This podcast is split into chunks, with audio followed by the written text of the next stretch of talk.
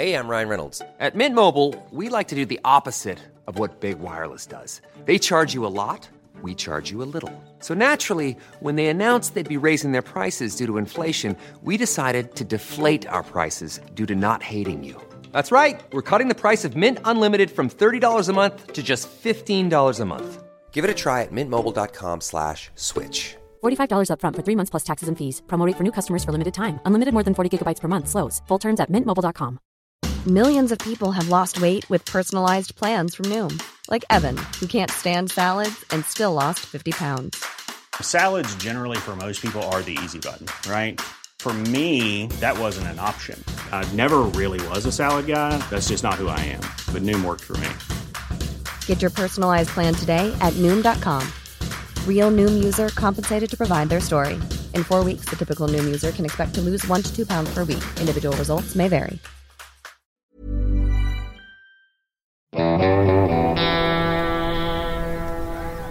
Velkommen til podkasten Villmarksliv. Mitt navn er Knut Brevik, og jeg er redaktør i bladene Villmarksliv, Jakt og Alt om fiske. I dag skal vi snakke om det å bygge båt, blant annet. Eh, Med meg har jeg forfatter, journalist, tidligere kultursjef i Risør, eh, Torolf Kroglund. Og vi må vel også føye til jeger, fisker og båtbygger, Torolf. Ja, det heter jo at eh, nordmenn er født med ski på beina. Det tror, jeg, det tror jeg egentlig er feil. For vi er jo født ved kysten, de fleste av oss, og, der er det lite skiføre. Eh, Jeg tror vi er født med føttene i fjæra. Eh, Eller en båt. Eh, Og jeg vokste opp eh, med en færing ute på Frøya, ute i Trøndelagskysten. Eh, og begynte tidlig å ro den. Jeg var sikkert bare åtte-ni år. Stor færing, en liten gutt. Uten redningsvest og hele pakka. eh, og, og så eh, Så har jeg, fisk, altså jeg fiska hele helt siden jeg var en nebestor. Og, og på Frøya så er det, det er litt sånn som Smøla. Det er 100 gode ørretvann inn i Så som tenåring så søkte jeg også inn der og fiska ørret. Og, og som eh, 14-15-åring eh, begynte å jakte også, da. Så, at, eh, så jakt og fiske og friluftsliv. eh, Jeger, fisker, og nå også båtbygger, ja. Ja, for du har skrevet en bok, du, eh, som, kom akkurat i disse, eller som kommer akkurat i disse dager. Det er historien om båten. Fra skog til hav med farkosten som endret verden. Um, det, er jo, det er jo egentlig flere historier, så vidt jeg leser boka. Det er, det er en historie om båtens tilblivelse. Fra de aller eldste farkoster til, til den um, sterkt trua båtbyggerkunsten langs kysten i dag. Og, og det er historien om en akutt sykdom som, som ramma deg like etter at du hadde begynt å, å bygge din egen båt, og like før pandemien ramma Norge og verden. Uh, og så, så er det sånn dypest sett en, en, så vidt jeg leser, i hvert fall en fortelling om det å reise. Og det som all, binder alt sammen, det er historien om båten du med, med kyndig veiledning um, bygger selv en, en klinkbygga pram. Trebåtenes ujålete folkevogn, bred og trygg og billig. ja. Altså det, jeg tenker det er jo så det er jo så mye, mye, mye fint og billig plast. Altså, hvor- hvorfor bygge sin egen båt? La oss starte der. ja. ja, jeg har jo en plastbåt også, da. Men eh, nei, altså eh, Det er noe med det også Ja, altså eh, Det å gå inn i noe dypt sett, altså vi, altså det å, å binde fluer, eksempel, hvorfor gjør man det? Eh, noen av oss eh, som elsker å gå på ski, eh, elsker også å smøre skiene, faktisk. Eh, for det har noe med å eh, liksom lese vær og føre. Eh, rett og slett gå litt dypere inn i, inn i dette, og det oppdaga jeg jo ganske fort eh, at det var riktig. Eh, så jeg har jo lært ganske mye også om ja, altså, Utgangspunktet mitt var å prøve å forstå hva en båt er for noe. Altså både i form og innhold, eh, nær sagt.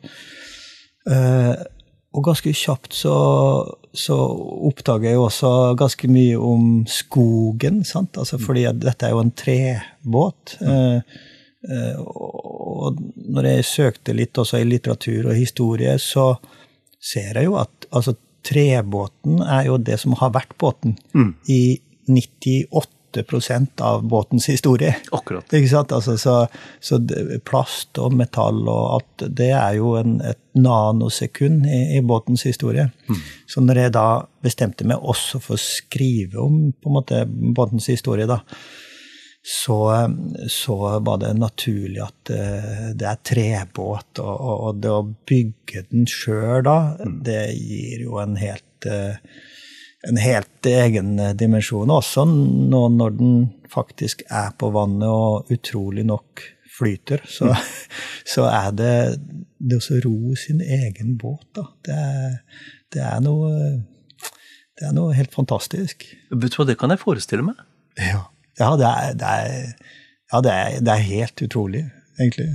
Det jo, og, ja, altså nærmest jeg kan sammenligne da, med å fiske med en egen flue. da. Altså det, å det å forstå liksom ja, hva slags mat spiser ørreten, f.eks. Altså, mm. det å sette seg da inn i hele eh, mm. for å forstå fisken, for å fiske fisken.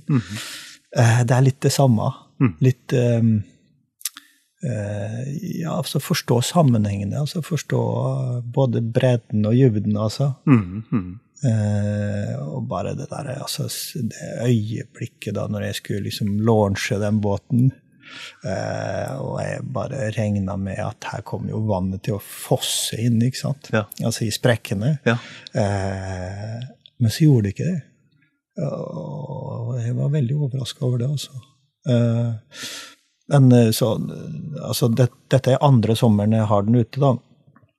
Og nå tok han inn litt mer eh, vann, da. Men da, da henter man inn type råd, ikke sant, altså fra trebåtfolk som har holdt på med dette lenge. Og jeg, da fikk jeg et råd om at etter at den hadde trutna litt, altså som jo betyr at uh, den tar til seg litt vann, og, og da blir sprekkene mindre, Ikke sant, For dette er også en sånn en begrep innen båtterminologien. Yes. Truttene. Ja, tru, ja, ikke sant? Bare det, ja, ja, det er masse ord og uttrykk ikke sant? som man eh, ellers er litt uh, blind for, da. Ja. Så jeg fikk et råd om å rett og slett smøre margarin inn i sprekkene. Eh, fordi at da, da blir den tett, og så samtidig så kan den fortsette å utvide seg litt. Da, da presses, presses bare margarinet ut. da. Så, så det eh, Nei, så, så man lærer jo utrolig mye, da. Og det tenker jeg altså innafor eh, jakt og fiske og friluftsliv og, og, og båtbygging, altså kulturarv. Så det å så lære seg noe, det er grunnleggende, da. Mm, så, og så er, du, du har jo skrevet bøker om fiske, du har skrevet en bok om, om, om, je, om jegere.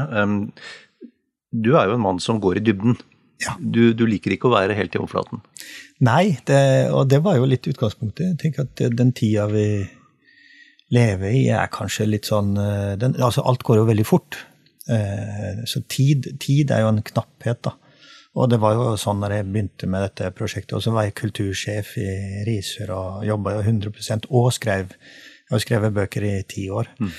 Eh, så det har liksom vært ved siden av. Så jeg jobba 150 ikke sant? Og, og kona jobber like mye. og vi lever jo sånn som mange gjør. Mm. eh, så at, og og da, da blir ting veldig overfladisk. Og, og da, det er jo da jeg ønsker å søke liksom ned i Litt mer ned i materien. Litt få ting som er litt mer varig. Få ting som er litt mer ekte. Altså, og, og også den der dypere forståelsen og kunnskapen for hva det er man driver på med. Så at eh, Ja. Men, men var det, du, hadde en veldig hektisk tilværelse, uh, så, som veldig mange har i dag. Løpe fra avtale til avtale. Um, var det også et sånt forsøk på å ta tilbake litt av roen? Ja, abs ja absolutt. Ja, det er et godt, eh, og det er jo morsomt at det heter å ro. ikke sant? Altså, ro, det er jo, dette er jo en robåt. Eh, men ja, absolutt. Eh, finne roen, finne, liksom, finne en tida litt, da. Det var veldig raskt at eh, når jeg sto der i det båtbyggerhuset, i, i, som var også en sånn gammelt historisk eh, naustaktig stort eh, båtbyggeri hvor det har vært bygd båter i hundrevis av år. Mm. Eh, uh, men når jeg sto der, altså ut, og utover vinteren, og var beinkaldt, for det var jo i, ikke isolert her, men, men, det å stå der og liksom høvle og jobbe med den båten Rett og slett en sånn aktiv form for meditasjon, altså. Mm. hvor tida liksom bare fløyt vekk. Alt av hverdagsbekymringer bare Det var som sagmugge ikke sant, på gulvet. gulvet altså det, det forsvant. Mm. Og veldig sånn konsentrert. For det, det, er jo ganske krevende, det, det, vil jeg si. Å bygge en båt, det er, det er krevende. Mm. I alle fall for en, en, eh, en som ikke liksom kan om dette i utgangspunktet. Så og det å høvle da på millimeteren, ikke sant. Altså, eh, men, men, da konsentrerer man seg jo om eh, den tingen, da. Mm. Eh, og ja, altså ikke ulikt det å stå i elva ikke sant, og kaste. Altså, eh, det, det, er jo en form for meditasjon, altså, som, som, er, som gir en dyp ro. Det blir sånn flyttilstand? Ja, rett og slett. Ja, det er en god, eh, egentlig en god eh, ja, flyt, altså. Stå, når du ser på elva, sant, hvordan den bare renner rolig forbi, og er aldri den samme. ikke sant? Mm. Altså, det er litt det samme. Eh, og også nå når jeg er ute og ror. Det er også en morsom ting, fordi at Altså det å ro eh, Det går jo mye fortere å, å padle kajakk, f.eks., mm -hmm. som jeg også gjør, da.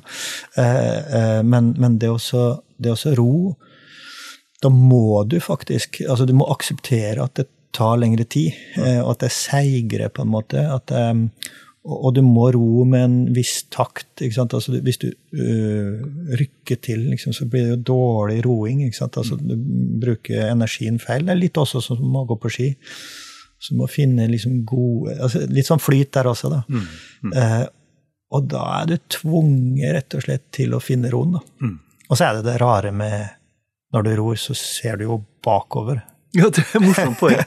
så at uh, du, du, ser jo uh, på en måte du, er, du, har ryggen til der du ror. Mm. Uh, som også er en pussig greie. ikke sant? Jeg husker det jo fra barndommen. Det var lenge siden jeg har rodd, da. Mm. så, at, eh, så, det er også en sånn overgang, altså. Å se liksom landet bak. Det er også litt sånn symbolsk, da. Legge på en måte bekymringene bak deg, mm. på land. ikke sant? På et sted hvor du er fiksert fordi at du skal prøve å ro rett. Ikke sant? så Nei, altså ro. Det, det, er et godt stikkord for, for dette. Både byggeprosessen og det å det å ha en robåt i det hele tatt. Mm, mm. Ja, Som jeg nevnte for deg like før vi gikk inn her, så, så eh, jeg er så, så keitete at, at jeg, det blir alltid skrekk i øynene til, til mine nærmeste når jeg, når jeg, prøver å nærme meg et redskap, for da veit jeg at noe kommer til å bli ødelagt. Mm. Enten jeg eller det jeg skal holde på med. Eh, så, så tenker jeg for å bygge en båt, da må man være veldig, veldig handyman, må man ikke det? ja. ja, det der var også var, når jeg sa til mine nærmeste at jeg skulle bygge båt, så lo de jo godt, da. Og de gjorde det? Jeg, jeg er jo akademiker, ikke sant? og det, den standardspøken er jo at eh, vi kan skru inn en lyspære. Eh, men eh, jeg tenkte litt tilbake altså når jeg var tenåring der ute på Frøya, da, så, så, så bygde jeg jo mine egne minkfeller mm. i tre. og Eh, og syntes det var veldig gøy. Og jeg syns jo sløyd på skolen var veldig gøy. Så at, eh, men så siden så har det vært Ikea-møbler, ikke sant. Mm. Altså, det er ikke det samme. Uh, nei, så um, det, det, var en veldig stor Og mange av de verktøyene som det ble sagt da, i, som jeg måtte kjøpe med, da, de, som jeg aldri hadde hørt om, ikke sant. Altså, så, så um, Nei, det var en stor overgang. Eh, men så var det jo heldigvis det var flere folk der. Eh, det var et slags kurs, dette her, eh, som ble litt ødelagt av pandemi og alt sånt. Men det var noen pensjonister der, og blant annet en som het Øyvind, som, som var sønn av en båtbygger. da. Oh, ja.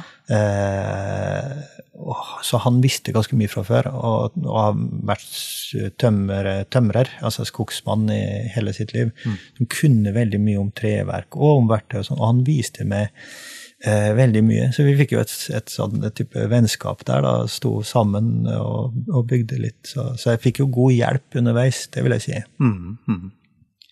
Men, men, men, men allikevel, det er, en, det er en svær jobb? Det er, en, det er en stor jobb, altså, absolutt. Og, og, det er litt sånn typisk Det, det ligner litt på det å, å, skrive bok, altså at du, du, må på en måte være litt dum for å, å begynne med det. Fordi at Eller du må Altså, du eh, jeg visste nok ikke hvor mye jobb det var. eh, og, og, heldigvis for det, eh, for da hadde jeg kanskje ikke begynt med det. Eh, så det tok jo det tok ett år eh, å bygge den båten treferdig. Mm. Altså, da tok jeg den hjem i garasjen min. Eh, og da gjensto det jo ganske mye da også. Pussa den helt ned. Eh, og olje. 15 eh, liter med linolje som skal inn. Eh, som skal trekkes inn i? Og så lakking og en del med tofter og ditt og datt. Mm.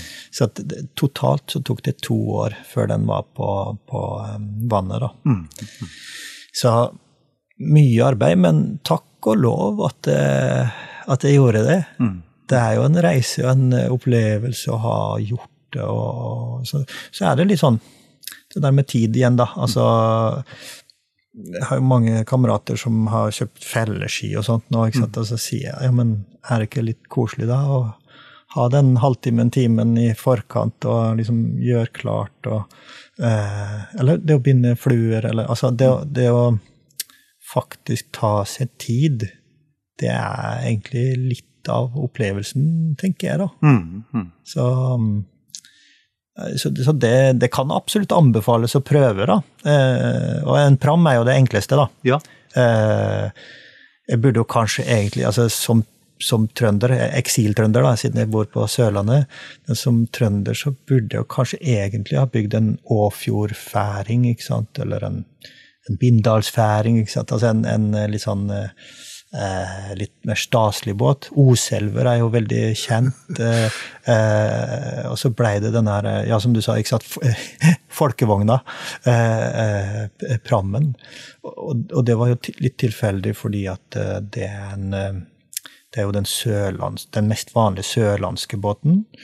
Men også fordi at det er den enkleste å bygge. Mm.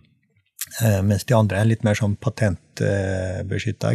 Litt mer du må ha en, en eh, båtbygger av den sorten til å um, Men det jeg også da oppdaga litt sånn, det er jo at alle disse båttypene uh, er jo bygd ut ifra lokale forhold, ikke sant? Det er spennende. Ja, ikke sant? Altså at uh, Åfjord og nordlandsbåt. Og, altså, de er jo bygd for litt mer røffe sjø. Og det at man skal eh, Det er så store utslag mellom flo og fjære. Mm.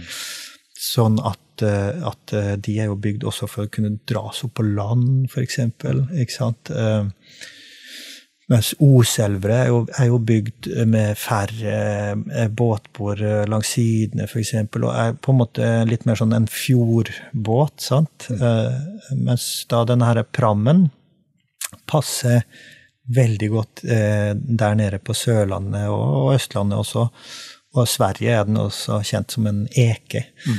Eh, men, men eh, det, det, handler om at det er så mye skjærgård. altså så at Den er veldig lett å manøvrere rundt. og, og den stikker jo ikke så djupt, så den er veldig lett å dra med rundt omkring og opp på land. Så, mm. så i sommer så har jeg vært, det har faktisk vært en ganske bra sommer på Sørlandet denne sommeren. og og da har jo jeg kunnet gått i land på enhver liten sånn holme og skjær og, og, og tatt med meg en liten eh, øl sant? og nyte skjærgården også. Mm. Så, at, eh, så, da skjønner man jo at prammen den passer veldig godt i det farvannet der, da.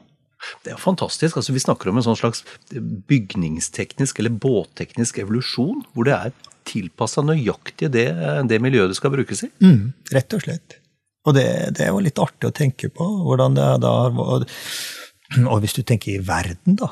Tenk, altså, tenk hvor uh, mange båter det fins, og hvor mange båttyper det fins. Det må jo være titusenvis, ikke sant. Mm. Altså, uh, og alle de er nok da bygd ut ifra uh, de forholdene som er der.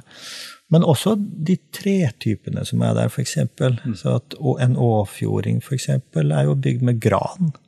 Det er spesielt. Eh, mens båttyper lengre sør er bygd med furu.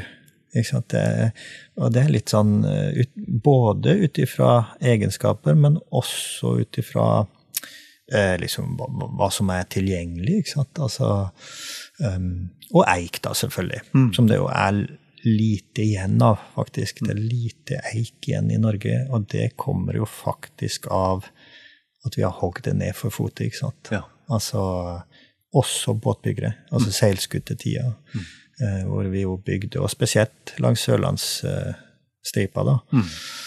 Og et stykke oppover, kanskje Vestlandet, da, så, ble det bygd veldig mye seilskuter. Mm.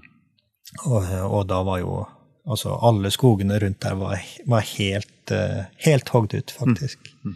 Så det er også litt sånn som jeg har lest meg til da i jobben med boka den historikken der, altså. Hvordan eh, Så jeg lærte også mye om skogen. Det er også egentlig litt artig, da. Mm. Um, ja.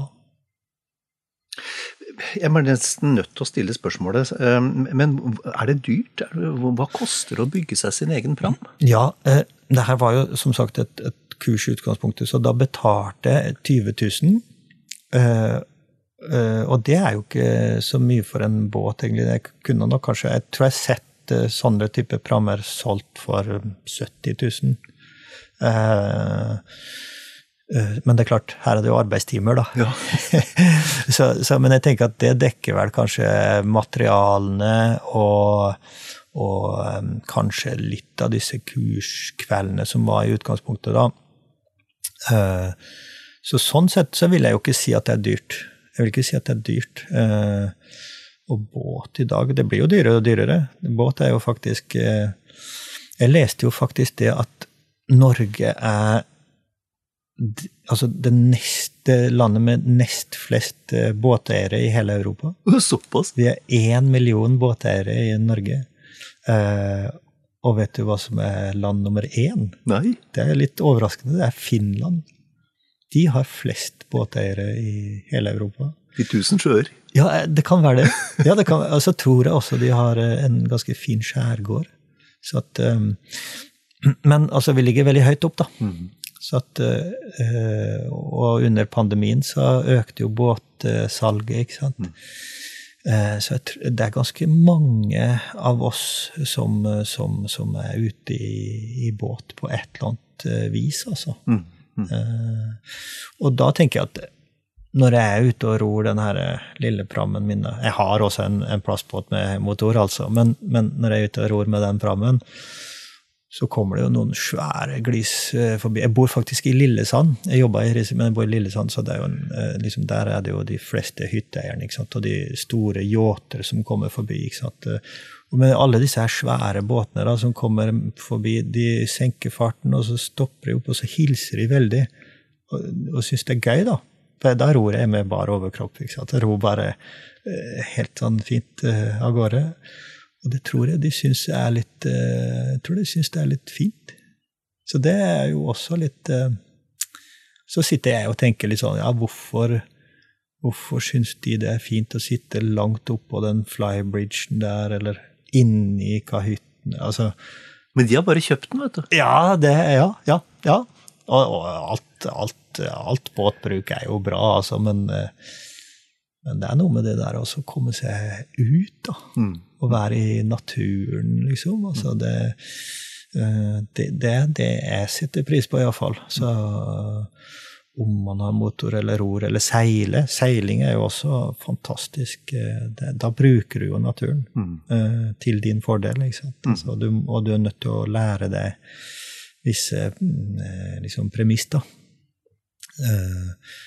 Og kajakk syns jeg det er også egentlig veldig flott. Da kommer du veldig sånn tett på sjøen. ikke sant? Mm. Altså, Nei, så, så verdt til sitt bruk, altså. Men, men nei, jeg vil, jeg vil, ikke si at det er dyrt. Men eh, hvis du regner arbeidstimer, så kanskje. Ja. Men, men, men, det er litt på samme måte som man må aldri finne på å regne arbeidstimer i forhold til hver felte rype eller hver ørret. Altså det, Nei.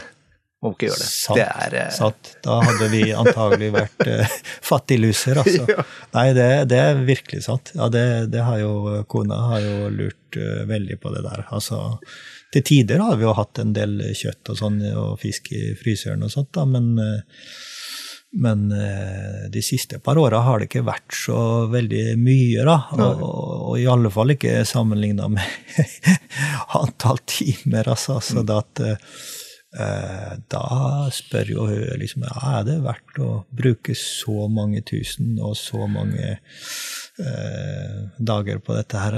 Ja. Eh, og, og, svaret er jo ja. ja, det er jo det. det er helt klart. Ja.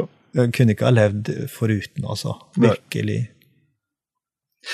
Jeg tenker på det, Torolf. Du, du er jo du, du er jo litt arvelig belasta. Du har jo forfedre med et, med et sterkt forhold til båt. Mm. Eh, litt på, på, på, ulike vis. Men um, mm. din morfar, ble, ble, som var engelsk, ble torpedert av tyskerne. Ja. Og din far var sjømann? Yes. Han, han var som meg. Han var en ramp på skolen. og ble rektor til slutt, faktisk. Men, men han, han, var en av de som på 50-tallet var veldig sånn typisk for norske gutter på den tida. Altså, han mønstra på mm. som uh, dekksgutt, eller hva det er. Altså at uh, han rømte fra det som da var videregående, mm. uh, og, dro til sjøs. Og, og, var mange år bare sjømann. Og så kom han tilbake og gikk på land og tok Hey, I'm Ryan Reynolds. Recently, I asked Mint Mobile's legal team if big wireless companies are allowed to raise prices due to inflation. They said yes. And then when I asked if raising prices technically violates those onerous two year contracts, they said, What the f are you talking about, you insane Hollywood ass? So to recap, we're cutting the price of Mint Unlimited from $30 a month to just $15 a month. Give it a try at mintmobile.com slash switch. $45 up front for three months plus taxes and fees. Promoting for new customers for limited time. Unlimited more than 40 gigabytes per month. Slows. Full terms at mintmobile.com. Opp i en artium og utdanning, da. Mm.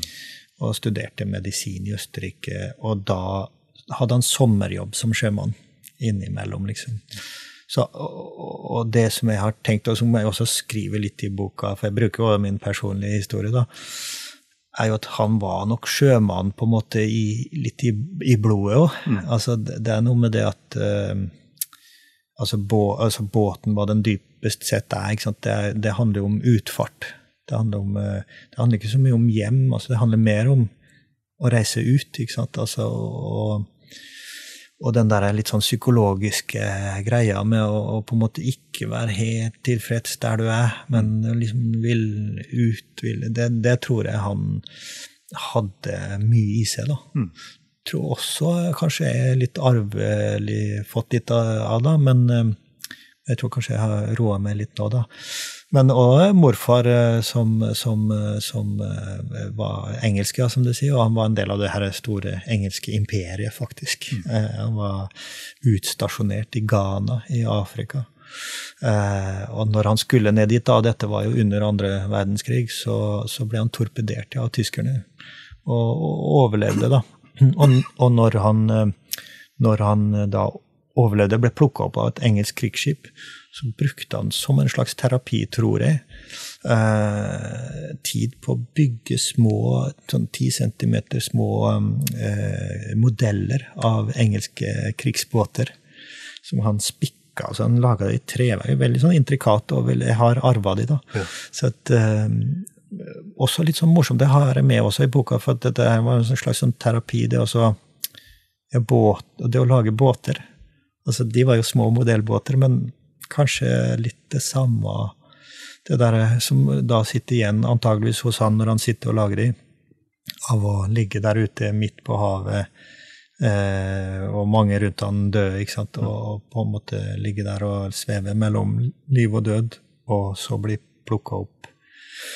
Og antageligvis så fikk han også høre ganske mye av de som var på det krigsskipet, og han satte seg godt inn i det. det en, også en sånn derre å gå inn i detaljene, ikke sant, gå inn i hva dette var for noe. Mm. Og så lage disse modellene etterpå. Det er en, altså en litt artig story, egentlig. Mm. Um, jeg, jeg, tenker um, Altså, du, du, du, du er en, en, travelt opptatt mann. Du um, er i din inn i beste alder. Du har starta på et båt, båtprosjekt, og så, og så, blir du syk. Mm. Hva, hva, skjer egentlig? Nei, altså eh, Jeg fikk rett og slett et, et slag, et hjerneslag. Um, eh, jo, da var jeg altså Da var jeg vel 45, da. Eh, nå er jeg 40, blir 48, men, eh, men eh, ja, 45. Jobba og var, har aldri vært syk. Veldig aktiv, løper mye terrengløp og sånt. Det siste jeg hadde tenkt meg, altså slag. Men det som skjedde, var at jeg bare segna om på hybelen min i Risør. Jeg hadde hatt vondt i nakken i, i to uker. Eh, og tenkte litt sånn Det var rart å ha så vondt i nakken. Eh, men det er også det mest vanlige. ikke sant? Googla det. Fant ikke helt ut av det. Paracet og rødvin. ikke sant? Altså, og så satt jeg en morgen og så skulle jeg liksom prøve å knekke opp nakken. da. Mm. Uh, satt jeg tenkte på dette bokmanuset, faktisk. At jeg tenkte på skogen og havet og båten. Knekte opp nakken, og så poh, slo det bare rett opp i Og da skjønte jeg at dette er noe veldig, veldig farlig. Og da gikk jo verden bare totalt rundt, altså som i en sånn vill karusell. da. Uh, og jeg bare spydde, og svetten hagla ut. Og, men, men, du forsto, du forsto ja. omtrent hva som hadde skjedd? Mm, ja, jeg forsto Men jeg skjønte at det var noe veldig, veldig galt. Mm. Det skjønte jeg jo. Mm. Eh, så, jeg fikk, så jeg falt jo ned òg, da. Jeg greide jo ikke å stå. Så jeg fikk liksom røska med meg telefonen, da. Og det var heldig, heldigvis. Og så fikk jeg greid å liksom eh, slå opp og, og, ringe da, etter hjelp. Og det viste seg at eh, det var en ambulanse eh, tilfeldigvis to minutter unna. At, og, og, hvert sekund teller jo på sånne slag og, slag og hjerteinfarkt. da. Mm. Eh, så det, og etter det så er jeg sånn delvis bevisst, bare. Eh, men jeg husker det at jeg ble båret inn i ambulansen og blålys, og det sitter jo også som et sånt traume. Så kan det hende at jeg liksom på natta nå liksom drømmer dette her, at det kommer tilbake. Eh, så da lå jeg to, to, døgn på intensiven, da. For da visste du ikke helt. Det var et sånn seint slag. Det, altså det som hadde skjedd, var rett og slett det hadde fått en rift i en av de nakkepulsårene. Det er jo fire nakkepulsårer. I, og så hadde jeg fått en rift i den eh, bakerste der. Fått en kakk eller et eller annet. da. Og der hadde blodet levra seg litt rundt den riften. Og det som skjedde når jeg knakk opp der, da, var jo at den der levra-klumpen kjørte rett opp i, i, i hjernen da, og stoppa jo da blodtilførselen. ikke sant? Og, og, det er jo kritisk. Da, da, jo, da, da dør jo hjerneceller liksom for hvert sekund. Så, at, så, det at det lå da to døgn på intensiven og, og svevde egentlig nok mellom himmel og helvete, da. Eh, og så eh, roa det seg heldigvis, da, og da, liksom, da var det konstatert etter de to døgnene at dette er et slag, da. Mm. Uh, og da tok det altså, Det som jeg syns var lang tid, da. Uh, jeg, når jeg kom ned på slagavdelingen, så var jeg jo bevisst igjen, da, da, men da greide jeg ikke å reise meg. Jeg lå bare på én side på, i senga. Da hadde jeg fått tilbake mobilen og sånt. Uh, så da, og da fikk jeg jo morfin.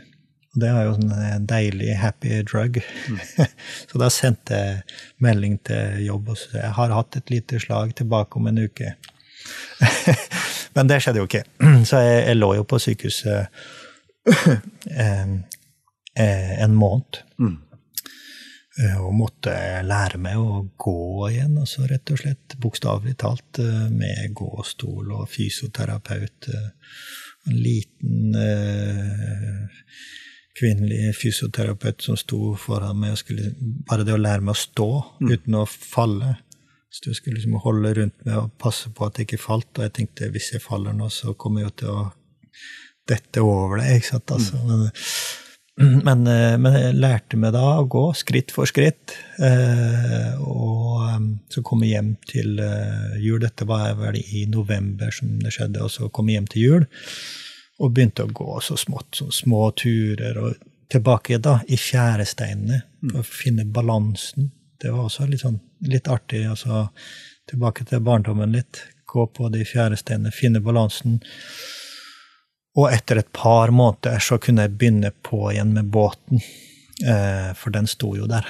Eh, og det var faktisk eh, ganske bra trening, altså. Og det sa jo legen og fysioterapeuten òg. Jeg spurte de kan jeg, kan jeg gjenoppta dette her. Uh, og da sa de ja, det gjør det. For at det, er god trening. Ak akkurat som vanlig trening er jo også ubehagelig når du gjør det. Men det har en god effekt. altså Du trener opp kroppen til å Og det var det samme her, da. Eh, Både i forhold til det med balanse og det å kunne bøye seg liksom, uten å bli svimmel og kvalm. Og det der med koordinasjon, altså det å kunne da høvle på millimeteren. For da Det som skjedde, var jo at um, Jeg har jo sett en sånn skann av hjernen min etterpå. Og et stor del av det som heter altså venstre lillehjerne, er bare et sånn hvitt felt. Rett og slett offisielt hjernedød der, da. Eh, men det som skjer, er hjernen er jo fantastisk, så de andre deler tar over uh, ganske raskt. Men det må, det må trenes opp, da. Så at eh, resten av båtbygginga sånn, Jeg var vel halvveis da, kanskje. Eller litt, jeg var før halvveis, egentlig. Men eh, så resten av båtbygginga blei også rett og slett å bygge meg sjøl opp. Eh, og så kom jo pandemien. Det var, altså pandemien kom jo rett etter dette, når jeg hadde blitt frisk, eh, mer eller mindre friskmeldt. da. Men det tar jo lang tid. Det er også en sånn det, det at det tar tid. Mm. det å ta seg tid da, til å faktisk bli frisk, eh, det er også en eh, lærdom, da. Mm. men da ble egentlig pandemitida ganske på en måte litt sånn grei for meg, da. Altså, for da var det veldig sånn off, Da har du god tid. Da, da må du bygge denne båten. Du må bygge det sjøl opp. Du kan ikke liksom presse dette liksom for mye. Eh, Så at eh, så alt i alt da, så blei det en eh, grei opplevelse. Jeg skulle jo gjerne ha vært det foruten, men, eh, men så kanskje man blir litt sånn klokere òg. Altså, kanskje jeg levde i en sånn en boble før, før dette skjedde. ikke sant? Aldri vært sjuk, aldri Litt sånn blind for den dimensjonen i, i livet, da. Så, og det hører jo med i livet. Altså, og både døden og, og sykdom og alt det, det er jo faktisk en del av det å være menneske. Eh, Så ja, altså Kanskje blir man litt klokere. Det er jo en klisjé, da, men jeg tror faktisk det. Jeg tror, jeg tror sånn sett så at, eh, at jeg fikk noe ut av det. da. Bygde en båt, skrev en bok. Du, du på, inne på tanken om å, å, å gi opp, da? Jo, eh, eller nei, jeg, nei, altså egentlig ikke, faktisk. Jeg var nok ganske sånn innbitt, faktisk. Eh, allerede, ikke sant, da når jeg kjente den der morfinmeldinga, altså, var jeg ganske bestemt på at dette her eh, Jeg vil ikke være noe pasient, altså. Jeg vil ikke være noe offer. Jeg har ikke lyst til å være noe Eh, og jeg skal videre, og jeg skal bygge denne båten, jeg skal skrive denne boka. Eh, så nei, egentlig ikke. Altså, det å gi opp var egentlig ikke et, eh, et alternativ.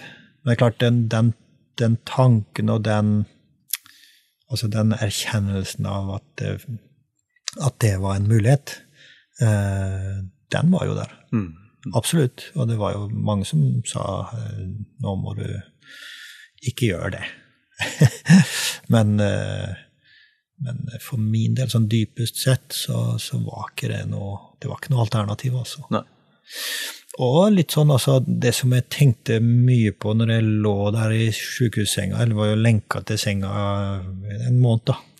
Det var helt grusomt. eh, For en som er friluftsfokusert, ikke sant. Altså, eh, så det jeg virkelig, virkelig lengta etter, var jo å komme meg ut. Ikke sant? Være ute i nede i fjæra, være ute i båt, eller være inne i skauen. Altså bare oppleve Og det ble utrolig sterkt da når jeg kom ut. Så jeg husker at uh, En av de første turene jeg gikk ned i fjæra der, da, det var jo på vinteren. Og da var det litt sånn Det var litt sånn isslush mm. innerst inni der hvor jeg gikk da. Og bare Jeg syntes det var så vakkert. Og jeg sånn, ah, Helt utrolig vakkert. altså sånn, På en helt annen måte. altså Ellers ville du kanskje bare tatt det for gitt. ikke sant? Men mm. det var det, det, setter noen perspektiv å vite at liksom I morgen så kan du være borte. Mm. Ikke sant? Så det, det, er vel litt sånn lærdommen jeg tar med meg. altså at uh, dette på nynorsk så heter det 'enjoy the ride'. Mm. Mm. Det tror jeg, tror jeg, Det er en klisjé, men det, det, det, er veldig sant. Ja, For man vet ikke? Nei, man vet absolutt ikke. Altså, og det kan skje hvem som helst, og det kan være i løpet av ett sekund. Liksom. Mm. Altså, uh, så livet er utrolig, utrolig skjørt. Mm. Uh, og når man, når man, virkelig, altså når man virkelig forstår det, Altså når det virkelig går opp for deg. Altså for det kan du jo si. Altså det er veldig lett å si det. Men, men når du virkelig forstår det, så, så, så, setter du faktisk veldig, veldig pris på eh, mye, da. Mm, mm. Liksom alt i livet er jo ikke, er jo ikke, er jo ikke flott. Altså alt er ikke gøy.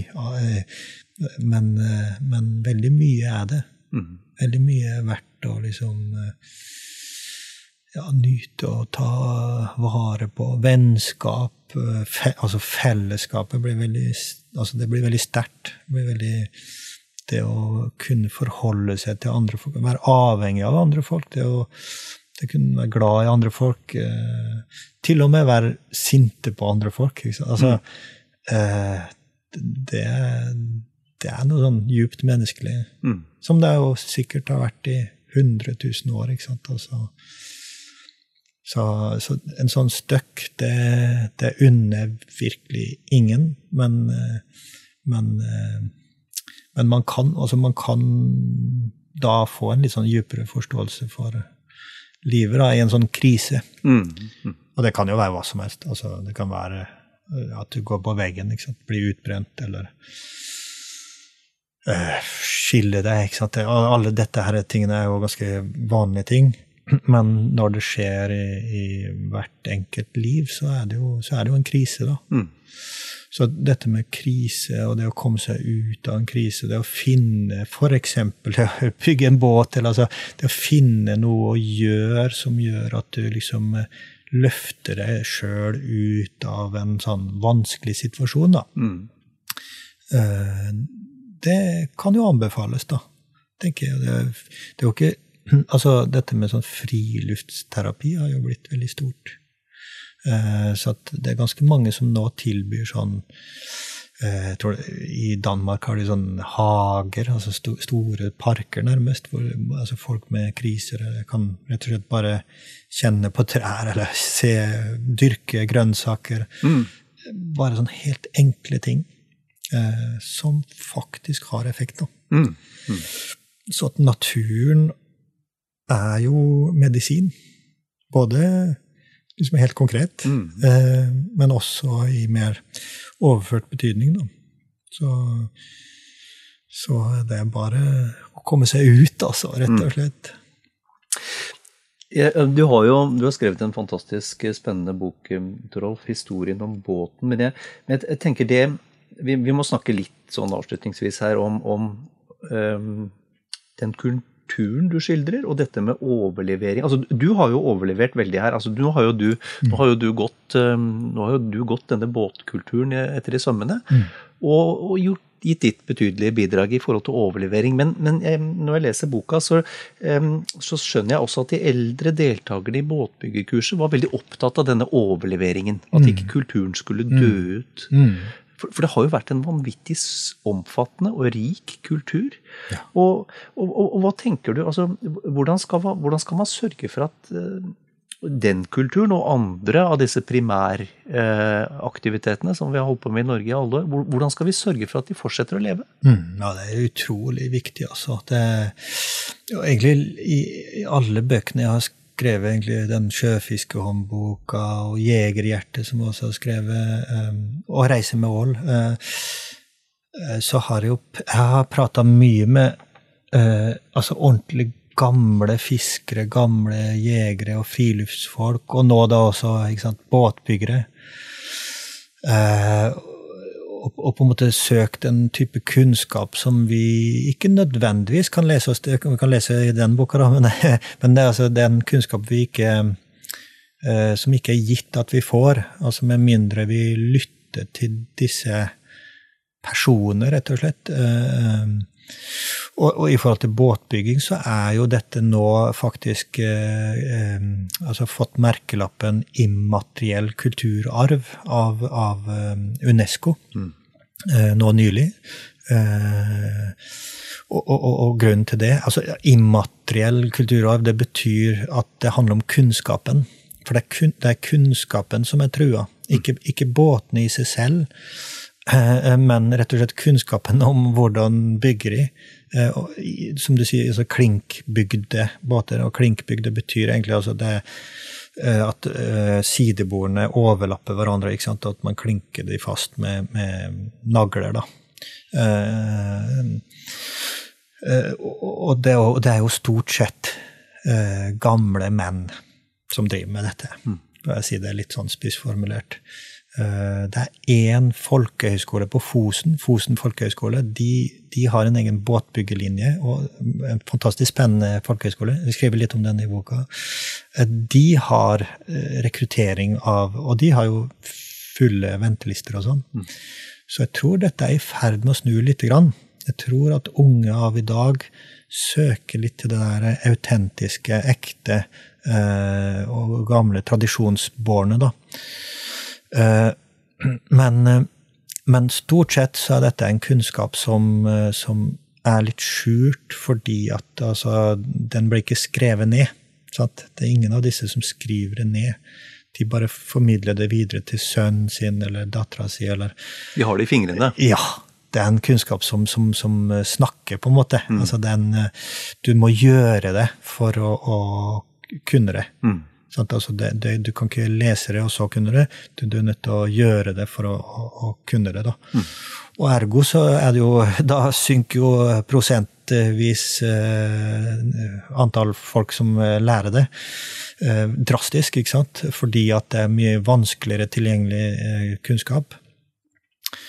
Eh, så sånn sett så er denne og båtbyggetradisjonen ja, som du var inne på, altså i Norge er jo tusenårig. Det er jo vikingene. Mm. Vikingene var de som perfeksjonerte den klinkbåtbygginga. Eh, noen av de beste klinkbygde båtene som noen gang har eksistert. Eh, men siden da så er det mye vi ikke vet. Eh, også et morsomt sånn, morsom sånn digresjon er jo, er jo hvordan stavkirker har jo sånn lafta, store tømmer som er 1000 år, mm. og som har stått der og er helt like gode. Mm. Og så har man nå oppdaga at uh, liksom, når man bytter ut og setter inn noe nytt, så varer det kanskje 100 år, og så er det for dårlig, så må det byttes ut igjen. Mm. Selv om det er satt inn med alt mulig rart. Og liksom, hva, hva var det de hadde av kunnskap som gjorde at de, altså det holder i tusen liksom, De visste noe, de, som de, ikke vi vet i dag? Yes, de gjorde det, altså, rett og slett. Blant annet sånn bleking, som det heter, altså, hvor man sårer treet lite grann, mm. men ikke for mye. Så, såre treet, altså Litt sånn som i, i livet, altså at mm. man sårer det sånn at at det rett og slett um, reparerer seg selv, sender sevje inn i, i treverket. Mm. Og da blir det, det oppstår malming. ikke sant? Altså, uh, Malmfure har man jo hørt om. Uh, uh, og da, det er mye bedre treverk. ikke sant? Mm. Men bare det også å vite liksom, hva skal man bruke Det er så mye, og, og det tenker jeg kjennetegner jo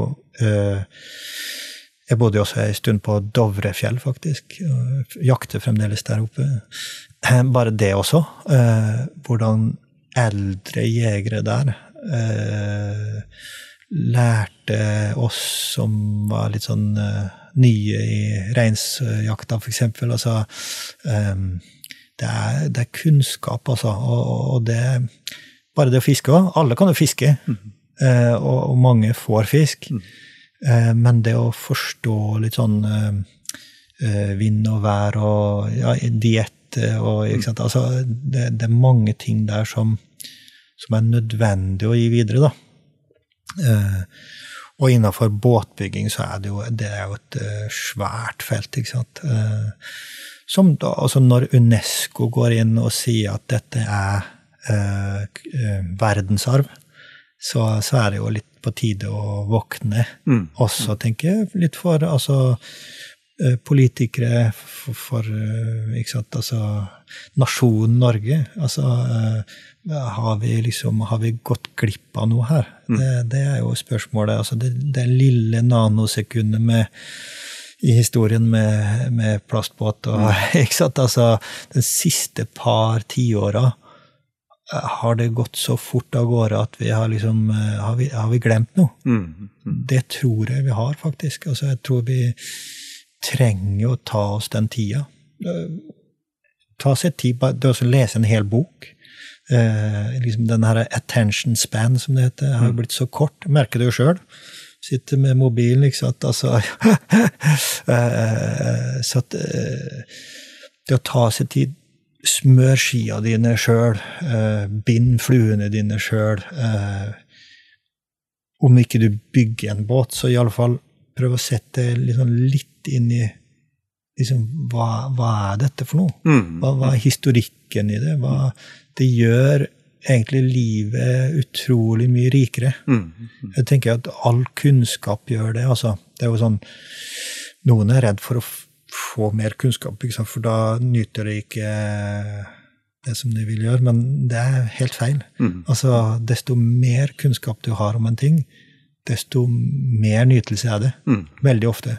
Eh, så at eh, Nei, jeg vil oppfordre alle til å, å liksom ja, sette av tid. Eh, oppsøk på en måte kjernen i ting. Ta seg tid til å nyte å være der du er. Altså nyte det du gjør. Mm, mm. utrolig viktig, altså. Og da får du noe av den derre Og lytt til de gamle tradisjonsbærerne. Det har fått utrolig mye ut av å prate med med folk som er mye eldre enn meg. Mm. Veldig godt poeng. Eh, og du har i hvert fall yta din skjerv her, eh, Torolf, gjennom, bo, gjennom boka 'Historien om båten'. Tusen takk for en hyggelig prat. Det var veldig hyggelig. Tusen takk.